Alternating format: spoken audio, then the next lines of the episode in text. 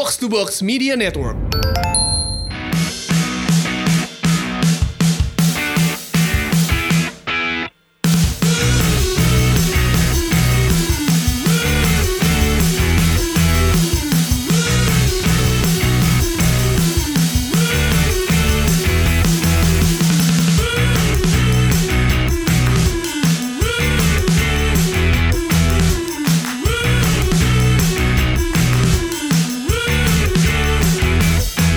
Selamat datang di Box to Box Football Podcast. Kali ini gua nggak sama Tio doang. Biasanya kan kita berdua udah pasti nih. Nah, yang ditunggu-tunggu datang ada Pangeran Siaan. Halo Pange, apa kabar? Wagwan katanya. It's been about breath. Jadi cerita ini belum keluar ya. dan, dan juga ada Rana Ditya. Halo What Ran. up, what up, what up, what up. Lia Bintaro represent Iya, ya. Bintaro. Eh, rapping. Kali Eh, ini Stormzy mau manggung Jakarta, men. Iya iya iya. Stormzy ya. so- Lukaku ya. Lukaku. Bro. Oke, kali ini eh, dari dari yang ada semalam dulu ya, Piala FA nih. Eh, Ada apa semalam ya? Ada apaan semalam? Semalam ada Piala FA. Gak ada bridging apa gitu bahas. Gue gak nonton sih. Apa sih? Oh, eh, MU ya? MU ya? MU. Iya kan kan kan dia mereka bermain imbang makanya replay. Lawan Wolves ya? Eh, lawan Wolves akhirnya menang Itu aja 1-0. gue gue gak inget bahkan MU main sem- semalam. Banyak kok yang gak inget kok. Gue cuman gue lihat gue gue gue lihat beredar di di Twitter Ole Gunnar Solskjaer adalah pelatih pertama setelah Sir Alex Ferguson Yang ngalahin. Wolves. Iya, iya, Ngalahin Wolves. That's an achievement man. itu Iya, iya. itu itu hanya karena Wolves-nya nggak promosi-promosi aja sih. Iya, Ya, iya. ya terakhir terakhir kali Wolves apa lawan Man United memang Ferguson habis itu kan mereka di Championship. Makanya gosip Jorge Mendes di sebenarnya Jorge Mendes datang ke Old Trafford tuh sebagai ownernya Wolves berarti kan? Iya. Ah, Bukan sebagai agennya si Bruno. Fernandes. Bruno Fernandes. nah ini juga gue khawatir dia dia bakal apa ke Wolves jangan-jangan. Bisa jadi. Bisa jadi ya. Bisa jadi. Soalnya kan gosip ini juga masih pas waktu rekaman ini masih santer nih. Belum resmi tapi. Itu Meskipun- i- itu tiap hari kerjanya Manchester United closing in. Asli. Have agreed personal apa deal terms gitu sama Bruno Fernandes anjing banget kayak berkali-kali berhari-hari. dari summer itu. Sementara enggak kan bukan dari summer karena pas bulan Agustus si MU bikin statement. Enggak kita nggak pernah ngejar Bruno Fernandes gitu statement bulan Agustus. Oh iya. Eh, beberapa Iya. bulan yang lalu Fer- apa si Solskjaer sama McPherson nonton doi. Udah gitu udah yang apa namanya udah lama-lama gitu kan lama kayak deal-deal tiba-tiba Getson Fernandes iya dari Benfica loan ke Spurs kayak Iya kalau klub yang bener tuh gitu gitu kan Gak usah banyak Ah. bacot Langsung dia mau ke West Ham kan Terus disalip gitu Dari tikungannya klub yang bener gitu Tiba-tiba tiap hari bikin statement Statement To the Bangsat. point gitu, to the point tiba-tiba langsung main dan dibutuhkan ya kan. Ini MU kan kayak udah tau lu butuh pemain. Gosip aja terus ya kan kayak Snyder dari zaman dulu. Heeh. yang penting mereka kan bisnisnya jalan aja. Makanya Iya. gosipnya dikencengin. Ngomong-ngomong soal klub yang bener ya, tadi kayaknya gue lihat di Twitter tuh ada yang nge-tweet soal uh, I think post conference uh, post match conference-nya si uh, Ole. Uh, format tweetnya tuh gini, nobody titik dua, no one on the face of the planet titik dua, Ole. Kita bangga karena kita membuat Wolves memainkan tim intinya. Has it gone to that? Enggak, tapi eh, eh, kalau bisa ditarik ke belakang ya di, di luar ya jadi bercandaan ketika zaman Sir Alex pun Sir Alex butuh sampai menit 90 untuk Park Ji-sung nyetak gol di Old Trafford untuk menang law- lawan Wolverhampton Wanderers ya kan. Jadi emang tim-tim kayak gini emang suka nyulitin hidup sih. Gak cuma si MU doang Liverpool aja kan terakhir akhirnya satu gol juga ya satu gol doang kan. Ini tuh yang waktu karena gue juga tidak menonton ya, it's hard to find an excuse untuk bangun jam 3 pagi nonton Hmm, MU tiga. di replay Piala FA. Tapi ini yang di leg pertamanya Gak nyet gak, nggak nggak on target gol ya? on Oh, target nol, nol, nol. sama sekali. Ya, ya. Tapi itu emang Wolves tuh tim yang gue tuh nyebutnya tuh tim yang kalaupun lagi nggak bagus tuh kalaupun lagi nggak bagus itu tim yang hard to beat gitu loh. Iya. Selalu punya counter taktik Dan, dan, dan, pelatihnya dan, bagus. dan dia punya ini man Dia punya wide receiver man oh, Adama. Adama. Itu wide receiver Iya, NFL wide receiver ya. Kalau kita lihat beratnya sama speednya Iya. motornya sih. Dan Itu da- dari rambutnya tuh kayak Odell Beckham Jr. iya kan Odell Oh, Beckham dia lagi blonde gitu ya? Iya, Oh, oke, iya. Itu ototnya gila sih. Tapi kalau semalam di highlight yang eh, gawat sih kemarin eh, Brandon Williams, Williams ya. ya. Eh, Neto dibikin berantem ya. Oh, Oke. Eh, ada Pedro Traore Neto. ketika berubah, berubah posisi ke Williams nggak bisa ngelatin Williams sama sekali. Yang cungkring Aaron Carter kayak gitu nggak bisa dilewatin. Dia pindah lagi akhirnya pindah posisi lagi. Tapi Ada gua- Traore itu Kenapa? dia itu kan jebolan La Masia ya. Iya. Jebolan Barcelona kan. Tapi nggak kayak jebolan. Enggak bisa kebayang sih dulu Dulu dia pas di La Masia Kayak gimana gitu Potensi badannya udah segede gitu Yang lain kan model-model kayak Xavi Iniesta gitu ya pasti kan Iya. di, sa- di saat yang lain apa idolain Paul Scholes dia idolainnya siapa ya anjing? Dia kalau body blow sama temen-temennya tuh mental kali ya lawan-lawannya. Iya. Lemas ya. Ada Mat Traore tuh iya iya kayak, kayak Dan dia tuh Spanyol by the way Iya, Spanyol. kan Dia dia masuk timnas kalau nggak salah deh terakhir. Masuk timnas dia Kalau nggak salah. Belum Apa belum short- belum belum Shortlist doang. Nah dia Prime Minister bro gue inget bener Iya iya Iya, pernah buru kan? Dari Barcelona Aston Villa Middlesbrough bro Iya Umurnya 23 Perjalanannya tuh dari Barcelona ke klub-klub mediocre di Inggris ya. karena emang seperti itu karena dia mungkin tidak bisa mendapatkan filosofi yang Barcelona inginkan. Ya gue pindah aja lah. dia dia sebenarnya mengambil jalannya Boyan Krkic tapi shortcut. Boyan Krkic kan ke klub-klub gede dulu kan. Ke- klub-klub gede gitu kan. Baru nanti ujung-ujungnya klub semenjana. Dia pikir ngapain gue klub gede dulu udah pasti gagal kan langsung aja Semenjana Saya mau jadi langsung. journeyman dulu. Journeyman. Langsung Boyan Krkic, Gerard Deulofeu kan. Nah, Oh, gitu. iya, benar. Isaac Wenka sekarang. Di mana tuh Isaac Wenka sekarang? Nggak tahu deh sekarang. Coba coba coba bentukannya juga berbeda sama contoh-contoh yang tadi juga ya kontras banget gitu. Sangat berbeda, justru sangat berbeda. Dia itu emang lebih cocok untuk main di liga yang yang fisikal lebih Fisikal, keras ah. gitu. Dan- Dan, dan- cocok bener. eh cocok banget dan dan kayak eh siapa ya gue lupa tuh ada salah satu writer di Guardian si siapa Jonathan lu tahu Jonathan lu sekarang di Guardian Dia kan? pindah dari pindah Telegraph ya. pindah dari Telegraph Oh, eh, eh, independen dulu deh. Telegraph oh dia independen ya? Iya, iya. Enggak bukan dia yang ngomong tuh Bane Rooney kalau nggak salah Oke. Bane Rooney. dia bilang eh tahun ini tuh nggak ada pemandangan yang lebih menakjubkan dari lihat ada nama Traore tuh dribble bola karena dia kencang banget dan dribble not bad Hmm. Cuman dulu kan dia ya seperti lazimnya pemain-pemain cepat kadang-kadang tidak dibarengi dengan kemampuan berpikir yang benar gitu kan. Hmm. Kayak Enggak ada enggak ada end product. Enggak ada Iya. yang pernah kan lari aja lari aja ada kan. Dia sekarang mungkin udah guru private ada kali ya. udah guru private eh, untuk meningkatkan IQ bolanya. Sekarang udah bagus banget menurut gue. bagus. Bagus, banget. Bagus banget. Ada Matraore tuh pemain yang nggak bisa di apa diberhentiin sama City ketika Wolver menang, iya, Wolf menang lawan City kan. Hmm. Iya, siapa yang mau berhentiin dia badan segede gaban kayak gitu Oh, anjing. mental ya. Heeh. Nah tadi ngomong-ngomong soal transfer juga ada ada target Man United juga nih Van de Beek ya. Tapi ternyata ke Real Madrid dia. Itu gosip semuanya. Van de Beek itu nggak mau, nggak mau- pindah. Merjiga bagus ya. Heeh, bener. udah belajar, udah belajar. Walaupun masih terbata-bata tapi bagus. Nah, kamu keren Dex, kamu keren. Ah, Gak apa-apa, gak apa-apa. Donny van de Beek ya. Nah, Ah, Doni. Donny, Donny Van de Beek. Jadi gini, gue main football manager eh, musim gue langsung pakai MU kan. Mediocre tuh mediocre. Biasanya gue selalu pakai West Brom Oh, atau beli Van de Beek ya? Gue beli Van de Beek sama Ruben Neves. Abis itu unbeaten MU gue. Gak pernah gue save, gue dimain kak menang terus anjing. Emang permasalahannya berarti udah ke- kelihatan. Komputernya udah udah udah udah tahu jawabannya. Dan lu mesti beli gelandang tengah ya kan? Lo lo boleh gue boleh jujur nggak? Gue lihat rundown lo gue nggak ngikutin. Gue kira itu ini loh V- Van der Beek yang di Dawson Creek. James van der Beek. Van der Beek, anjing. James van der Beek. Varsity Blues. yang lebih lucu lagi ya. Yang lebih lucu lagi ya. Jadi ada eh, tweetnya si Bird Genius Nos. Ah, Noz. Jadi ngomongin soal Van Beek kan mau ke Madrid atau mau ke MU gitu kan. Iya. Udah gitu Nos jawabnya gini. I'd prefer Joshua Jackson when he got pace. Soalnya kalau untuk Dawson Creek si si si Doni Dawsonnya itu kan nggak bisa make up his mind gitu kan. Iya kan dia kan lambat Nggak gercep. banget. Ya, Nggak gercep kan. Cocok pelimpan gitu aja. Joshua Jackson kan gitu. Donny van de Beek eh, kan. Berarti Ayo bridging apa sah? yang yang baru resmi berarti Getson doang ya. Kalau oh ada ada lagi, ada lagi, ada lagi. Aston Villa kan mereka kan kehilangan banyak kiper. Akhir- pengen akhirnya nyari si ini. Pepe Reina akhirnya dipinjam. Oh iya. Pepe iya. Reina. Cedera kan si Ethan ya. Dia butuh kiper dan butuh striker satu kan gantiin si Wesley itu. Itu striker foot gue Iya, tuh di FIFA tuh. Piatek ya? Eh, iya kan? Iya Piontek lagi mau di ini. Malah Piontek Ke musim lalu. Spurs bukan? iya. Ke mana? Belum Aston sih. Villa, Tapi si belum. Aston Villa nawar butuh striker deh. Pila pila pila pila ya, pila pila pila pila pila Itulah kenapa Serie A udah sedemikian drop gitu kan. Pak. Dari Milan tuh bisa jatuhnya ke Piontek, Aston. Villa. Aston. Villa. Aston Villa. Iya. Iya. Padahal musim lalu Piontek kan salah satu yang Kutrone, Kutrone. Iya, Kutrone baru Kutrone dari Milan ke Wolves gitu. Dan di Wolves nggak langsung, main. langsung dipinjemin ke, ke Fiorentina. Ini ini lo bisa ngeliat simbiosisnya gimana? Ada wonderkid di Itali, pindahnya ke klub semenjana di, di Inggris, buangan di Inggris, pindahnya ke klub gede di Itali ya. Iya, iya memang kayak gitu. Ah. Berarti Chris Smalling. kualitas Chris dia. Smalling. Il Capitano Iya. del Roma. Jadi jagoan jadi bener-bener di dipuja-puja. lah. Itulah kenapa Jesse Lingard lihat kan anjing Chris Smalling sukses nih. di Gua ke sana aja dah. Gimana Iya. caranya?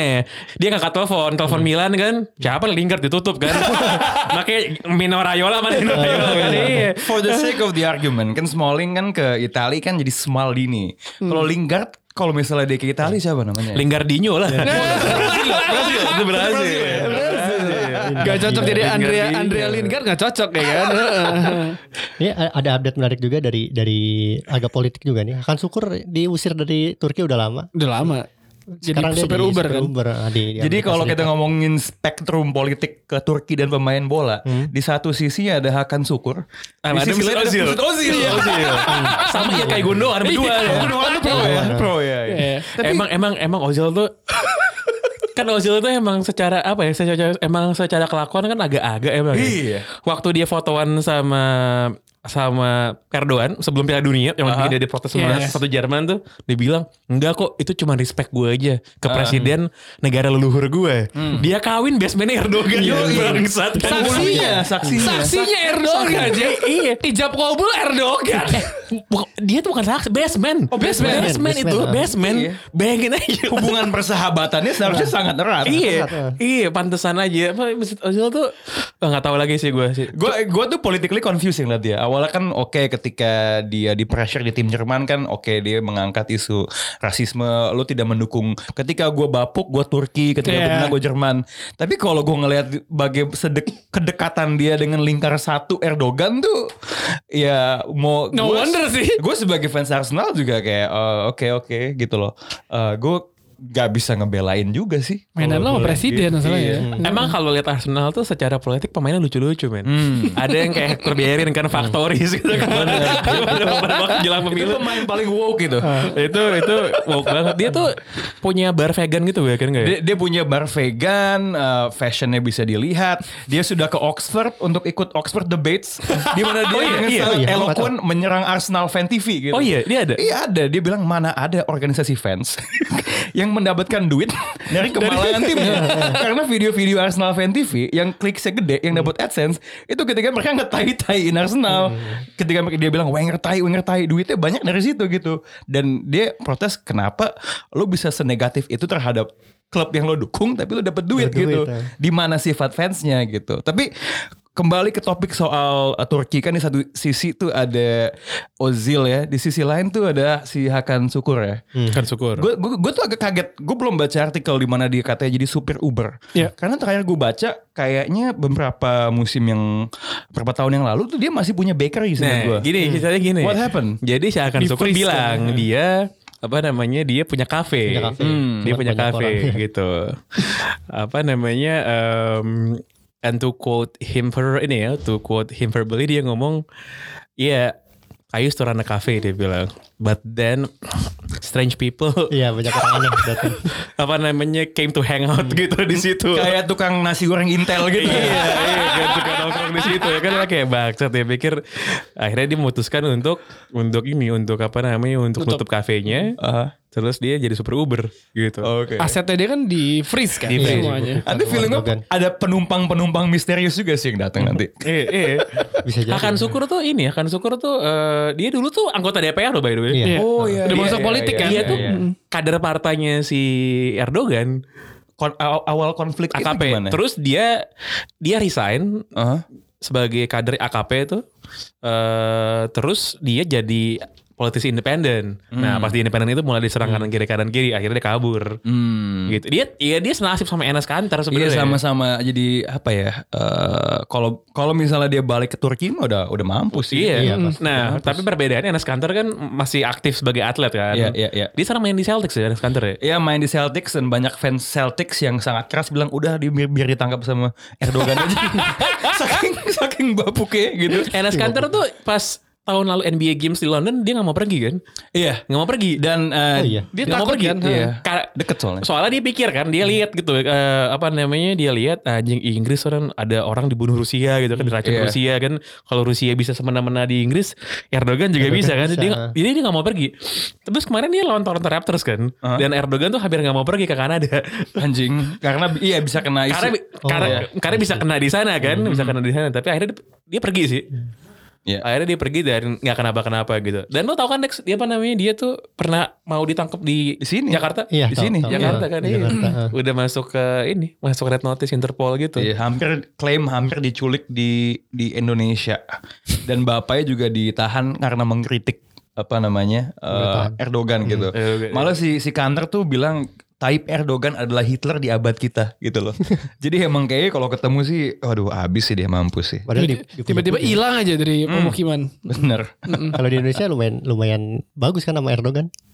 Iya. di- Iya sebenarnya di sini sih orang Indonesia banyak yang politically confused juga sih. tanpa tahu juga. Gue sih inget banget dulu zaman gue baru kuliah itu Ahmadinejad eh, presiden I, apa eh, Iran dipuja-puja. Sekarang gue nggak yakin ada yang, ada yang memuja-puja presiden Iran di sini. Dari setiap story ada dua sisinya memang. Iya, iya. Ya kalau misalnya kayaknya sih yang gue lihat kalau orang ngelihat wah si Erdogan jago ngaji dan lain sebagainya itu langsung jadi nilai plus juga tanpa sebenarnya tahu konstelasi politik di sana gimana sih. gitu. Menarik sepertinya Turki ya. Iya, ayo jangan Ya. DPR. Ayo, ayo, Ayo, jangan ayo. jangan jangan jangan kasih jeda langsung kasih pace pace pace Ayo, gitu. ayo. Jadi, coba? jadi, jadi Tadi- akhir pekan ini nih, Oke. akhir pekan ini ada big match Liverpool lawan Man United di Oke, Anfield. Pange Tio. Ya, emang tuh udah udah bisa bisa dibilang big match. Eh, buat Liverpool enggak? Enggak sih tuh bakal jadi kekalahan pertama Liverpool sih. ini dia, ini dia yang aku rindukan. Kepedean 100 nih. Ini dia yang aku rindukan. Heeh. Nah, enggak makanya nanti kalau misal Liverpool juara itu nanti dalam catatan sejarah tuh ada bintangnya. Hmm. Dikalahkan. Nggak bisa ngalahin MU musim itu gitu. Ntar ada gitu. Ada. Gua kira itu bakal terjadi waktu lawan Mourinho kemarin, ternyata enggak. Harusnya. Lo, lo, lo tau gak pas yang kemarin itu Spurs lawan ini Spurs lawan lawan United Gue tuh diajakin ke Zodiac kan Diajakin ke Zodiac terus gak mau Gue mau nonton Spurs lawan Liverpool gue Gue punya Gue sangat-sangat melihat udah Tanda-tanda zaman nih ya Mourinho akan menang nih kan. Emang, emang. Jadi match pertama gue nonton tuh nonton kan Awal-awal Spurs main bagus banget kan bagus. Gue suka wah kayak gol-gol Biasanya selama musim ini Kalau bisa nggak bisa ngejebol Liverpool di awal Ntar dia bobol gitu kan Udah mau pergi mau pergi mau pergi Tiba-tiba gol Firmino kan Hmm. siapa sih Japet siapa namanya itu? Japet Tanganga. Tang, Tanganga. oh, nggak nggak Tanganga. gitu Se- sebenarnya mainnya bagus sih Bagus, kecuali di, di satu momen itu di mana kalah jam terbang kan?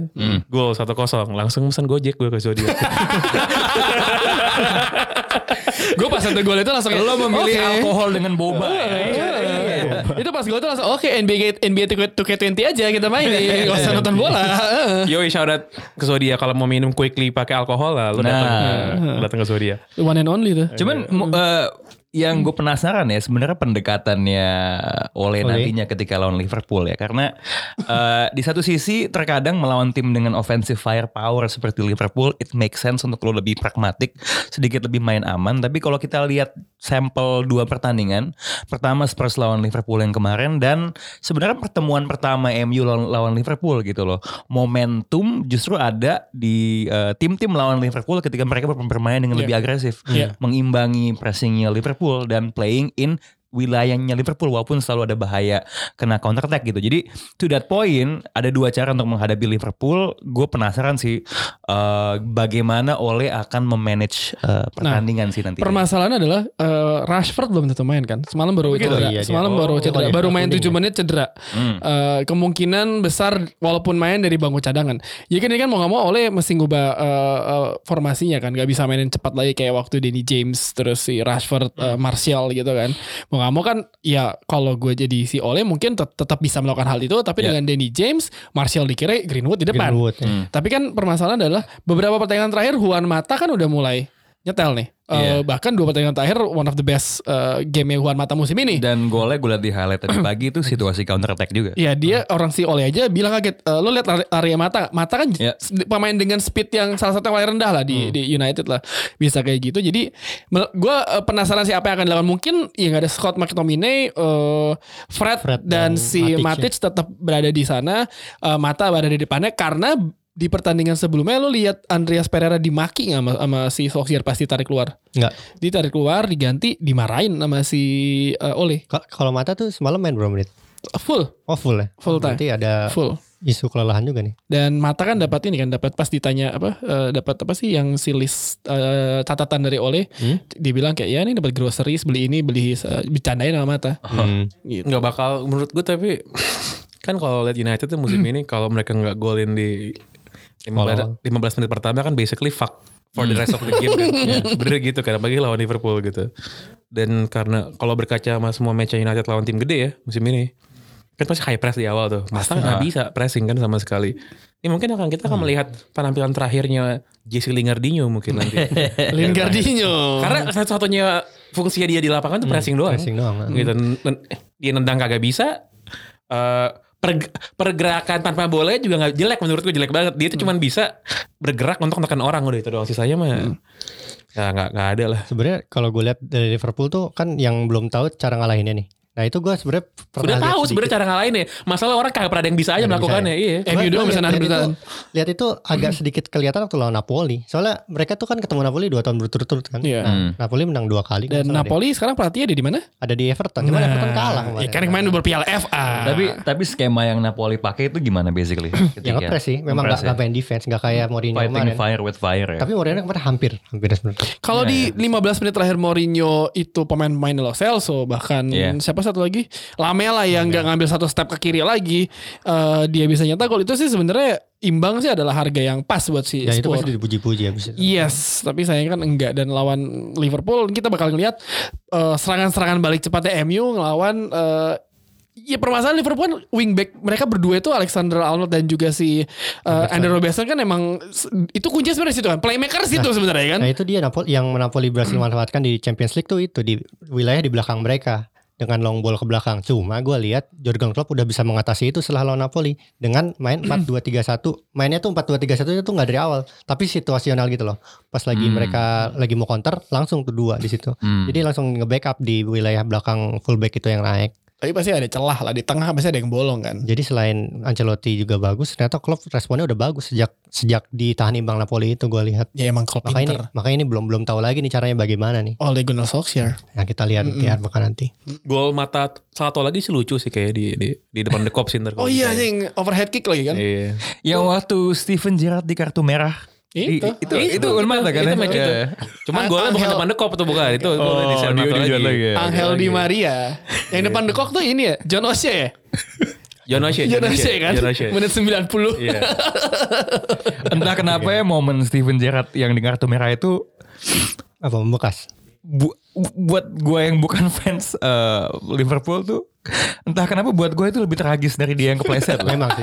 Atau kayak Baru kayak- masuk babak kedua. gimana ya kayak wah semua momentum itu kapten gitu. ada untuk oh one last appearance nah, gitu kan ya. datang pemain sub oh menang tackle sekali guys Berapa Ander Herrera kan yang di Karena actingnya juga bagus ya kan. Ah terguling-guling. Ya. itu tuh kayak itu tuh kayak kalau di Avengers Infinity War ya lagi Wakanda kan lagi perang kan lawan tentara Thanos kan tiba-tiba muncul petir gitu Thor keluar pakai kapak oh langsung mati tuh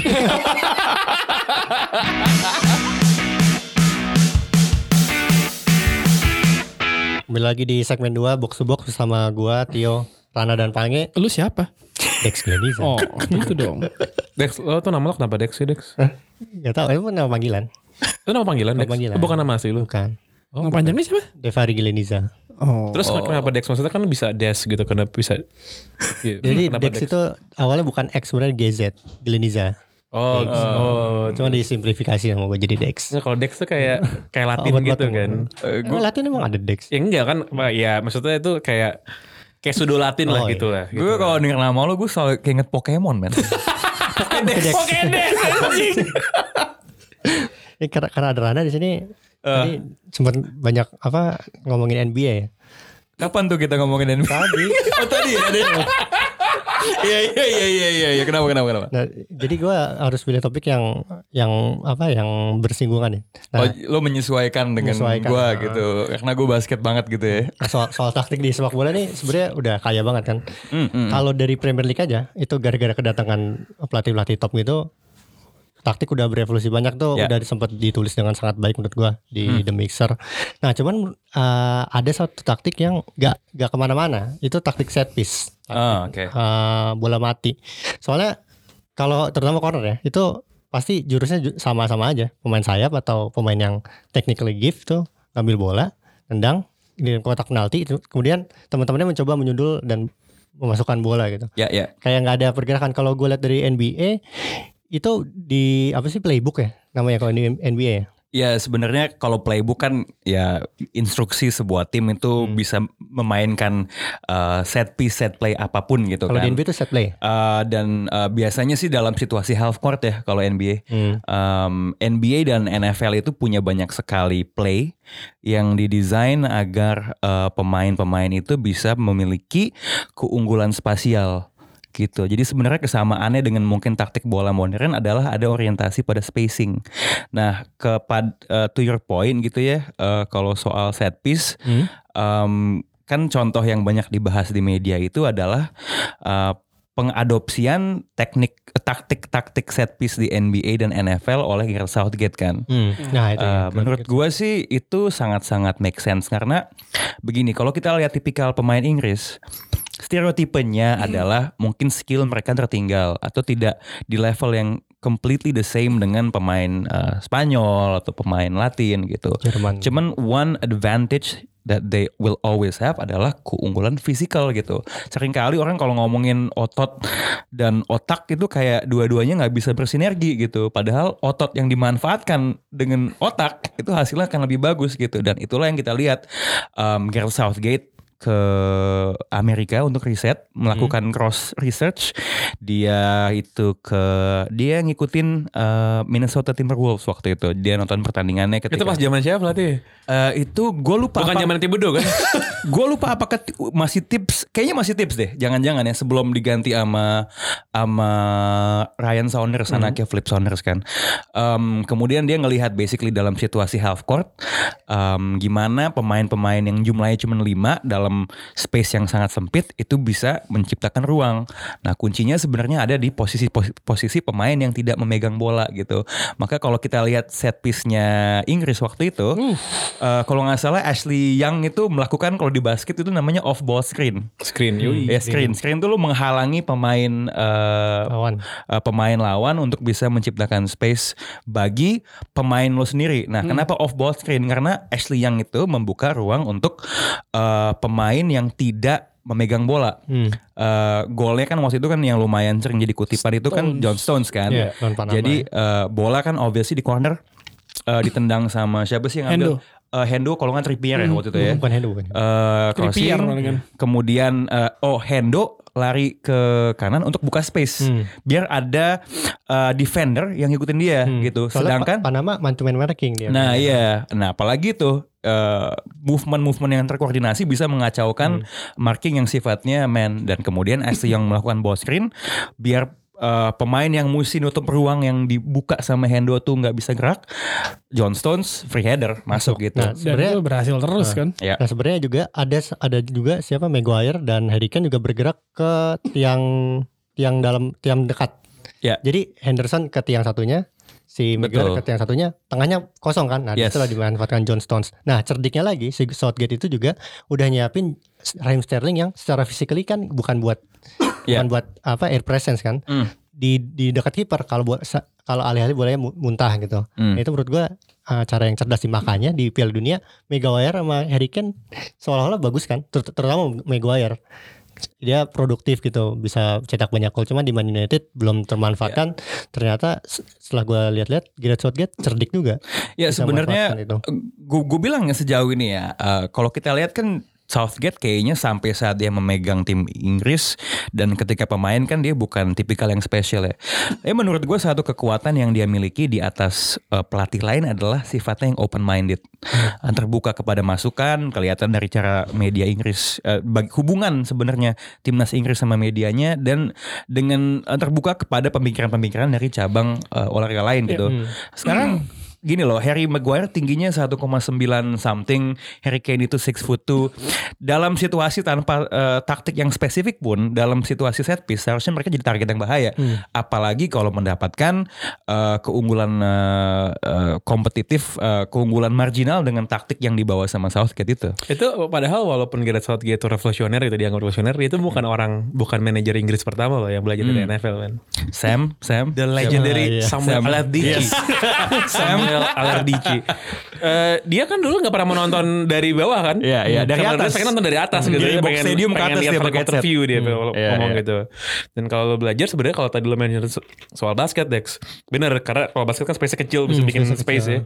Tapi si Southgate itu juga suka banget nonton NFL gitu. Banget. Karena menurut gue tuh lebih kompleks lagi pergerakannya. Parah, parah. Itu itu itu bener-bener ribet sih.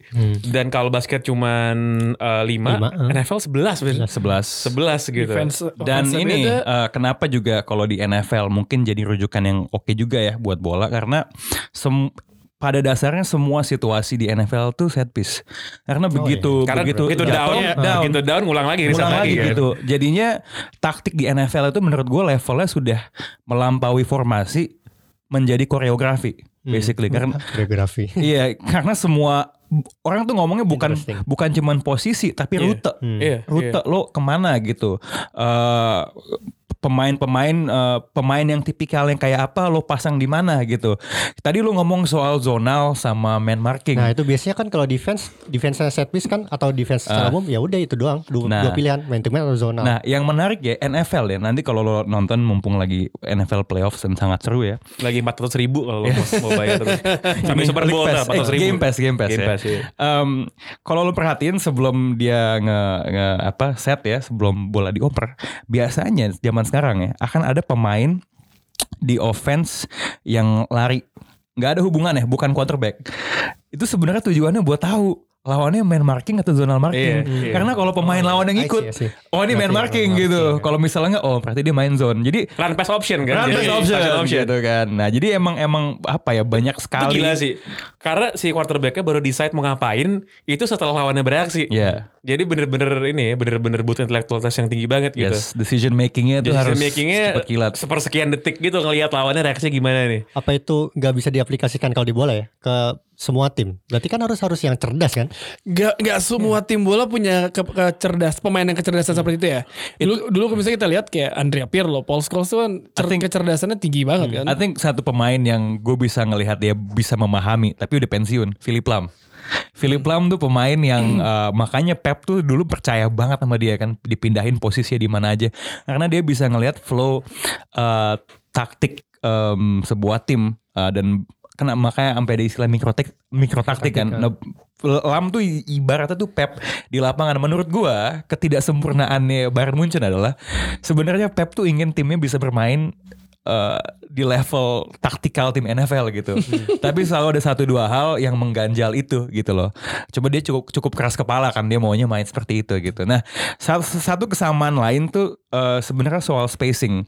Kalau tadi disebut Gareth Southgate eh, nonton NFL sama NBA, Pep Guardiola tuh juga suka ngikutin NBA. Dia tinggal di- dia tinggal juga. di New York setahun. Dia ya. tinggal New York selama sabatikal kan dia ngikutin warga lain kan. Ada Dia lihat anjing nih tim basketnya sampah banget gitu kan.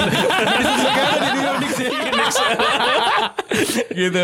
Ada ke fotonya dia nonton final em, ini ini secara timeline berarti nggak lama abis dia di kick dari eh, dari Munchen. Dari Munchen ya? Nonton dia final NBA Finals dia pakai baju Cleveland dukung LeBron waktu dari 31 jadi 43 gitu. Em, tapi ya kalau kita lihat gaya sepak bola dia pun kan eh, di balik eh, tiki taka yang sebenarnya cuma sebuah gejala ada istilahnya huego di position kan, Eh, positional play. Nah, menurut gue prinsip-prinsip detail taktik yang seperti itu sangat itu sudah mendekati eh, NFL gitu. Karena posisi didikte didikte harus di A, B, C gitu. Dibagi dalam Ya, kotak-kotak kecil gitu 18 kan. kotak gitu kan, di mana zona gitu kan, di mana dulu kalau itu kan sisi light side-nya kan, sisi, sisi dark side-nya si ini Simeone, dia juga punya 18 kotak, tapi buat bertahan gitu. Nah, soal di Premier League nih menurut gua tim yang lumayan bisa manfaatkan ini tuh sekarang yang taktiknya itu berarti levelnya udah di atas taktik biasa ya. Udah matan set piece tuh Liverpool sih. Soalnya gue lihat Liverpool tuh punya pertama punya Van dia dia air presence-nya ba- bagus banget. Hmm. Terus habis itu delivery-nya juga bagus. Terutama dari Alexander Arnold nih catatan statistik menarik dari Alexander Arnold itu adalah Itu Philip Lam baru bentar lagi Iya. menurut gue sih. dia dia playmaker tapi mainnya di sayap kanan. Itu ya. di playing playmaker bisa bi- bisa dipindahin bisa, ternyata, bisa. bisa dipindahin. Jadi Dia juga posisinya awalnya juga bukan bek kanan kan? Iya, dia se- uh, CM dia. Dia punya statistik menarik adalah pemain yang dengan 60 chance created itu terbaik ketiga di Premier League setelah Kevin De Bruyne 76 dan Ya. Buendia 64. Terus juga statistik uh, ininya apa? Stat nya dia melakukan lep- 85 corner kick itu paling banyak, Mhm. 26 di antara sukses. Presentasinya dikit kan, tapi Ya. tingkat kesuksesan itu paling tinggi di antara semua pemain. Ya ini uh, masih dalam tema tema analogi ya persamaan persamaan ini sama lain. Maksudnya lo bisa ngelihat kalau trennya tadinya seorang fullback sekarang bisa ngumpan kayak gitu bisa jadi keranjang ulung itu kan menunjukkan ada generalisasi di situ kan dari posisi yang terlalu spesialis. Dia stretch fullback Ya, berarti. stretch fullback ya.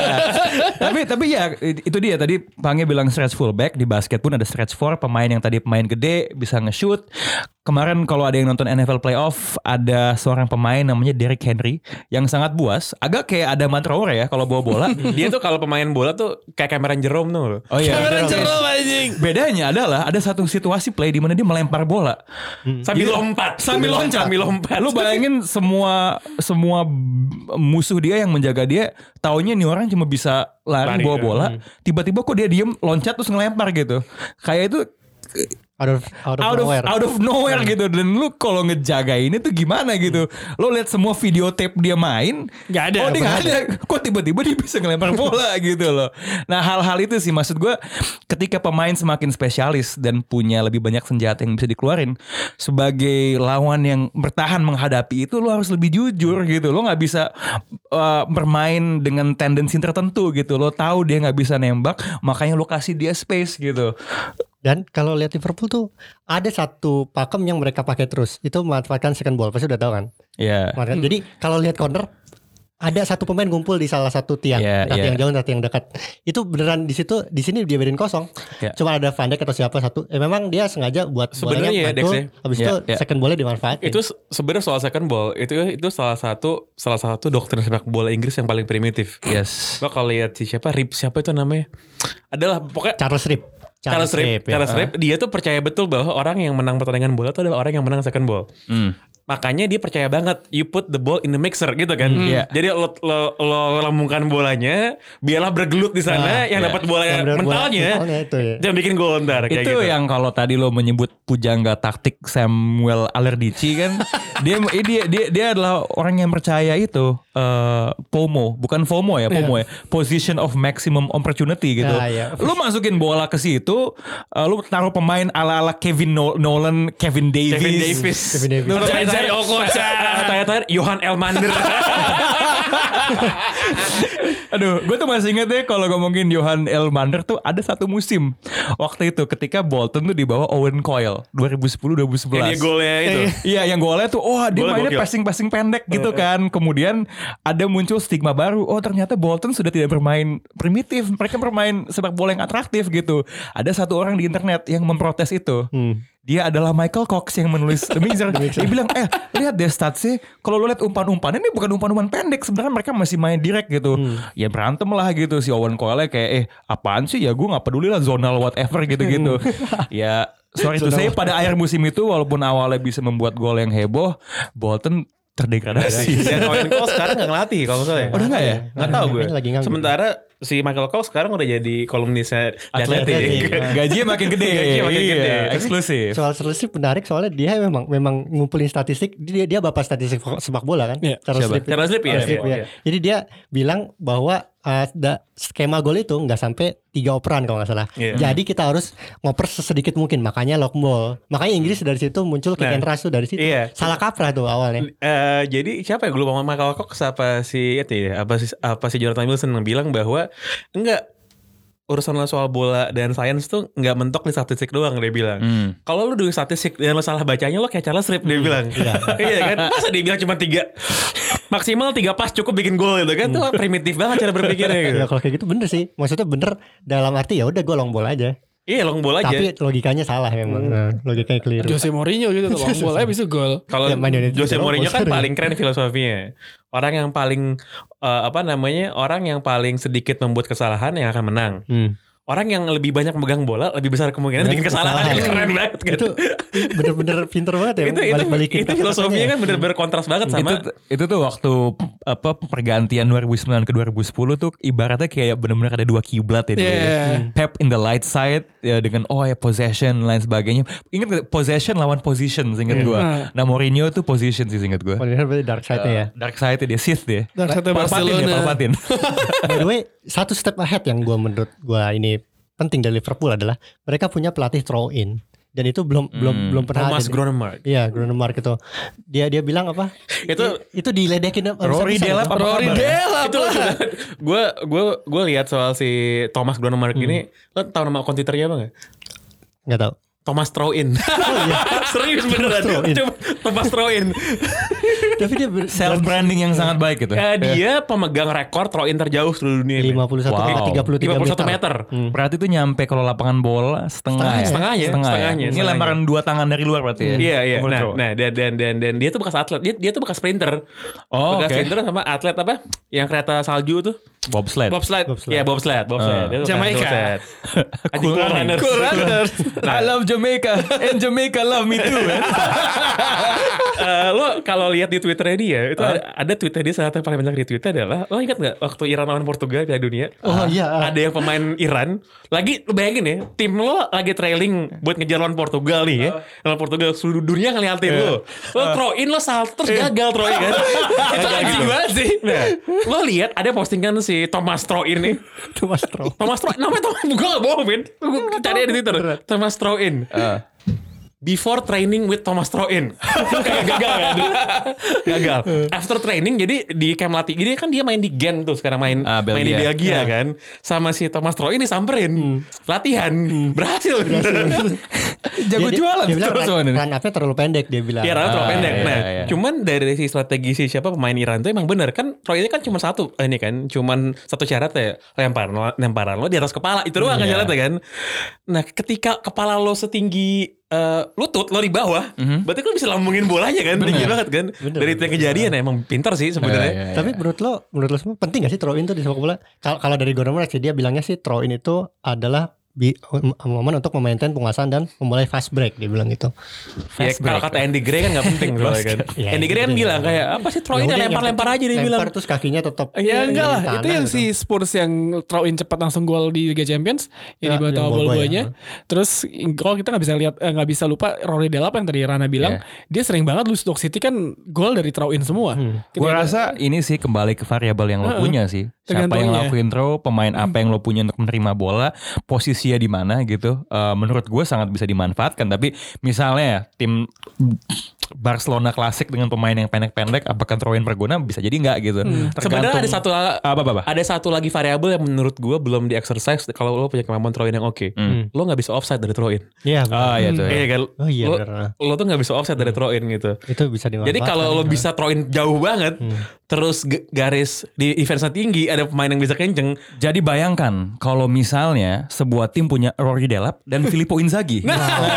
Ah, Filippo Inzaghi bukan jadi penyambutnya untuk second bola justru. Yang penyambutnya Oh. kayak Almandri tuh. Almaner oke. Iya enggak Soalnya bayangin ya Lo bayangin situasinya Lo throw in Di setengah lapangan gitu Ya. Jadi udah udah lewat setengah lapangan Jadi kan udah offside Udah udah berjalan kan Tapi lo satu ayo taruh satu pemain di depan gawang gitu Udah Dia diri aja depan situ Cuma ada dua kemungkinan. Heeh. Inter tim eh, Inter bolanya akan ke dia atau timnya akan berhati-hati mundurin garis Nah. space di tengah. Iya. Ini- Exactly gitu Ah. Nah makanya menurut gue tuh Emang satu variabel yang jarang banget Jarang banget di Jarang banget diperhatikan Karena lo kan main bola pakai kaki Bukan pakai tangan Iya, gitu kan Berarti Klopp udah one step ahead ya Liverpool ya. Enggak lah, dulu yang siapa yang pakai tangan Fabian Bartes. Ben Bartes. Dari gawang bisa ke depan ke Oh. Van Nistelrooy dulu. Oh, lemparnya jauh. Lemparnya jauh. heeh. Cuman mungkin silver liningnya adalah itu lagi-lagi adalah sebuah contoh di mana sepak bola bisa berkembang ketika mencoba mencari inspirasi dari hal-hal yang nggak berbau bola. Dalam hal ini penggunaan tangan untuk melempar. Tapi throw in itu memang kalau gue lihat nih data menarik adalah ad- di satu pertandingan itu rata-rata 40 sampai 50 throw in dan itu Hmm. menghabiskan 12 menit dari 90 menit Hmm. situasi throw in tuh. Itu sepersembilan ya, sepersembilan pertandingan lumayan. Ya lumayan lah. Lu bisa ingat, ingat gak yang throw innya eh, Evra ke Giggs yang di kena bad, kena punggungnya Giggs? Iya iya iya. Itu juga tai itu sebenarnya kan. Kayak lu mau crossing daripada lu lempar tem, apa lempar ke Lempar punggung. jatuh Jatuh baru lo cross gitu. Ah, Dan masalah lemparan juga set- setelah goal kick yang boleh ke dalam kotak penalti itu juga pernah ada yang trik. Dia nendangnya lambung terus disundul sama kawannya ditangkap kiper habis itu dilempar. Hmm. karena dia bilang kalau lemparan tuh lebih lebih bisa dikontrol kan Sama ini ya sih yang si Chris Kirkland yang lemparan ke dalam Birmingham inget yang zaman dulu yang akhirnya jadi gol dulu jadi di, gol di Aston Villa. Iya. Aston Villa langsung dikerubutin sama fans Birmingham di oh itu ankle man kalau ankle man ankle man sorry ankle Thomas man Thomas Peter namanya? Thomas kayaknya deh Peter Engelman. Peter, Peter, Peter, Peter. Itu Thomas Sorensen. Thomas Sorensen. Yang langsung Aston Villa kan? Aston Aston Villa. Villa, ya. Lawan Bi- Derby masa Derby Birmingham kan. Gitu. Midlands Derby.